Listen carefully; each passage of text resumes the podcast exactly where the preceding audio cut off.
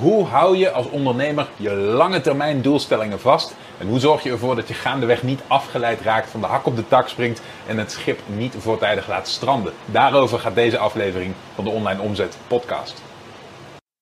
Dus je bent ondernemer en je ziet de enorme kansen die het internet biedt om je bedrijf te laten groeien.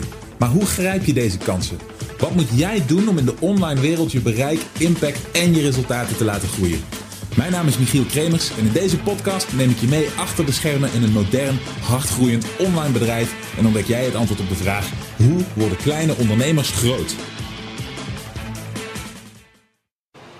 Hallo, mijn naam is Michiel Kremers. Welkom bij een nieuwe aflevering van de Online Omzet Podcast. En vandaag wil ik het gaan hebben over een van de grootste valkuilen die ik oh zo vaak voor me zie voltrekken bij ondernemers. En dat is dat we alles leuk vinden, dat we alles interessant vinden en dat we als dingen eventjes niet meer interessant zijn, eventjes tegenzitten of eventjes niet gaan zoals we willen, dat we afgeleid raken, dat we met iets anders beginnen. Uh, life gets in the way. Uh, en er zijn maar heel weinig voorbeelden van ondernemers die vanaf het begin hun ogen op de kiem houden, een bepaald doel voor ogen houden en net zo lang doorgaan totdat ze dat doel bereikt hebben. Vandaag wil ik het graag gaan hebben met je over hoe je voorkomt dat je schip voortijdig strandt, dat je te snel afgeleid bent geraakt en hoe je ervoor zorgt dat je jouw ultieme lange termijn doelstellingen ook echt bereikt. En het eerste wat daarvoor belangrijk is, is dat je durft te dromen. Want een mens kan echt veel meer bereiken op lange termijn dan je zou denken. Het probleem is vaak dat we de dingen vaak wat te snel willen en dat we gedemotiveerd raken als ze niet zo snel voltrekken. dus ik zeg maar wat, veel mensen vinden uh, een jaar vooruit denken bijvoorbeeld al best wel een uitdaging. Terwijl echt lange termijn denken in mijn ogen pas begint bij een jaar of tien en misschien zelfs nog wel langer dan dat. Een tijdje geleden heb ik mijn eigen persoonlijke aanpak om het lange termijn denken vast te houden gedeeld met een groepje van mijn deelnemers. En daar heb ik een video van gemaakt die ik vandaag graag met je zou willen delen, omdat ik denk dat je er iets aan hebt. Dus laten we snel gaan kijken. Ik hoop dat je ermee geholpen bent. Zoals jullie achter mij op het bord zien, heb ik een, uh, weer een, een, onderwerpje klaar waar ik het over zou willen hebben. Want, um, want dit is iets wat, uh, waar, waar, ik veel gerichte vragen over krijg, maar vooral in privé coachingssessies. Uh, zoals sommigen van jullie misschien zullen weten, geef ik aan een select aantal ondernemers privébegeleiding. Dat zijn intensievere trajecten um, waarbij ik één op één coach. En dat, dat, dat, is, dat is allemaal net wat zeldzamer, wat exclusiever. Hangt natuurlijk ook een ander prijskaartje aan. Maar daarin komen soms hele interessante dingen naar voren die het uh, delen waard zijn. En in dit geval valt me telkens op dat mensen um, soms op een punt komen dat ze um, bovengemiddeld succes behalen. Dus dat hun, uh, hun verkooptrajecten lopen, dat ze klanten binnenhalen, dat ze omzetten genereren die schaalbaar zijn, dat op een gegeven moment de cijfers op hun bankrekening wat substantiëler worden. En wat je altijd krijgt is als een bedrijf groeit, dan ontstaat er automatisch meer wat je kunt doen. Oké, dus uh, daarmee bedoel ik, het, het, bedrijf groeit, het krijgt bij wijze van spreken tentakels, het krijgt allerlei hokjes, vakjes, mogelijkheden, werk wat verzet kan worden. En vanaf dat moment wordt het heel erg moeilijk om de focus vast te houden en je te blijven richten op wat je originele doelstelling was. En wat blijkt nou? Heel veel mensen hebben hun, hun originele hoofddoelstelling helemaal niet zo heel helder voor ogen. Uh, dat is meteen eventjes een vraag aan jullie. Wat is je ultieme lange termijn doel? Oké, als je eventjes helemaal zonder limieten, zonder grenzen zou mogen denken. En je projecteert jezelf bij wijze van spreken vijf of tien jaar in de toekomst. En alles met je bedrijf is exact zo gegaan zoals je zou dromen. Wat is dan hetgene wat jij zou willen realiseren in deze wereld met je bedrijf? Daar ben ik eventjes heel benieuwd naar. Uh, neem je tijd, als je een tof idee hebt, neem je tijd om, um, dat, uh, om dat, eventjes uit te typen in een paar zinnen. Houd kort, notendop, misschien twee zinnen maximaal. Als je het niet in twee zinnen kunt samenvatten, dan heb je waarschijnlijk nog niet een heel concreet, idee hierover. Tamara, jij zegt, ik was er vorige week ook niet bij. Deze mogelijkheid had ik even gemist. Kunnen we alleen aan iedereen bericht sturen of ook aan iemand gericht? Uh, nou, ik ben geen uh, Facebook group expert, maar volgens mij kun je ook gewoon um, elkaar befrienden, hè, dus be bevrienden in de Facebookgroep. En dan kun je ook gericht, uh, gericht contact opnemen, voor zover ik weet. En anders kun je gewoon je, uh, je, opmerkingen naar elkaar of vragen om feedback kun je in de, in de groep zelf posten.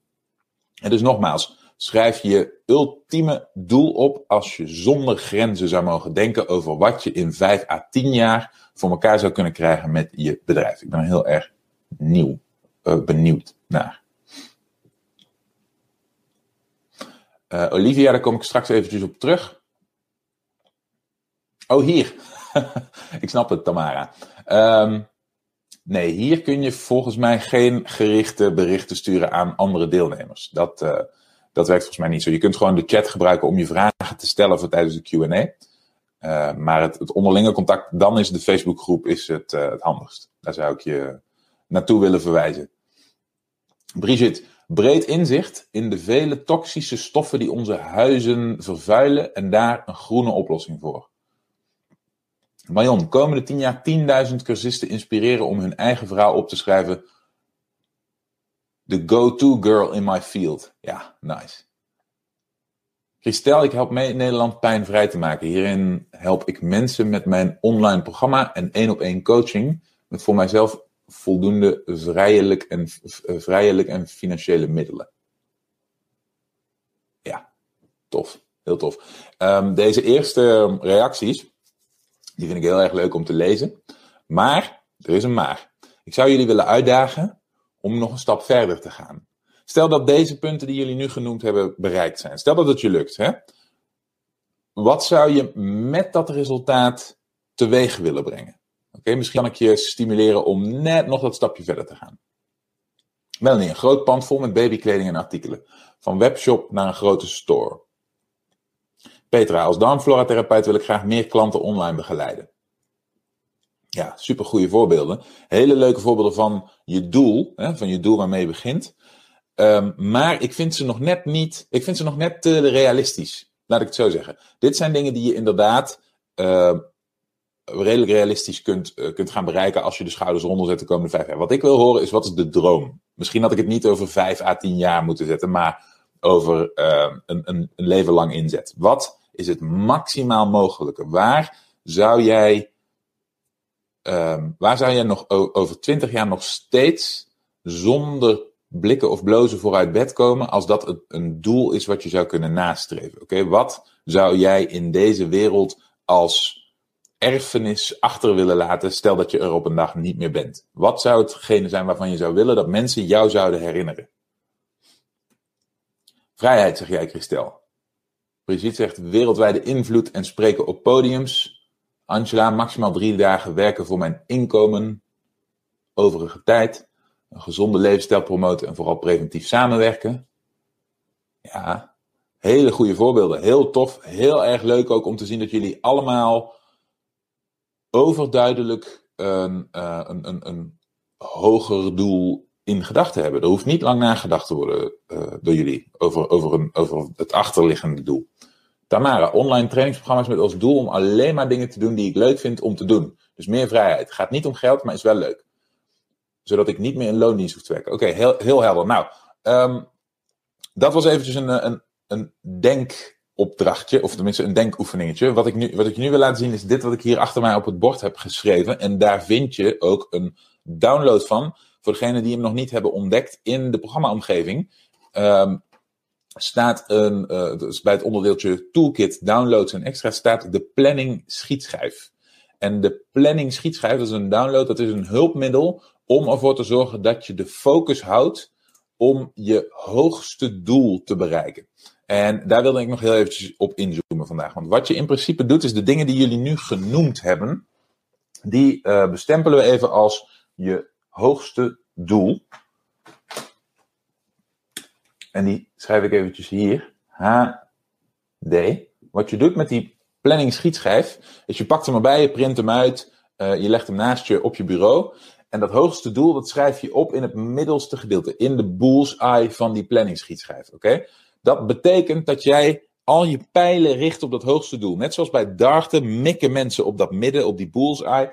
In dit geval mik jij op je hoogste doel. Dat is altijd je richting. Oké? Maar om daar te komen, hè, je ziet het al, zijn er een aantal buitenste lagen waar je langs moet. Dus wat je doet met die, met die planningstoel is simpelweg je af gaan vragen: oké, wat is nu een, uh, een, een, wat is een ingrediënt wat aanwezig moet zijn om dit hoogste doel te bereiken. Dus ik zal als, uh, als voorbeeldje mijzelf geven. Mijn doel is om grote gedeeltes van het oppervlakte, het landoppervlakte van deze planeet te beschermen tegen invloed van mensen. Dat is mijn hoogste doel. Hè, dus dat is mijn HD. En om dat voor elkaar te krijgen, moet ik in eerste instantie een, uh, een, een landproject, zoals ik dat noem. Dus ik, ik noem het maar even landproject. En dat landproject, dat, dat is de titel die ik eraan heb gegeven, dat is een case study. Dus uh, een eerste stuk grond waarmee ik oefen met wat erbij komt kijken om bezitter te zijn van grote stukken grond. Uh, verschillende wetgevingen in verschillende landen. Uh, belastingssystemen in, in, de, in de landen waar dit soort dingen actueel worden. Ik richt me in de eerste instantie op Zuidoost-Azië, omdat dat de hoogste biodiversiteit heeft. Um, dus de, de stukken grond daar leren kennen. Erachter komen wat de regelgeving zijn. Zodra je, als je dat nooit doet, als je niet een eerste stukje grond koopt, leert hoe dat werkt, leert wat de regelgeving is,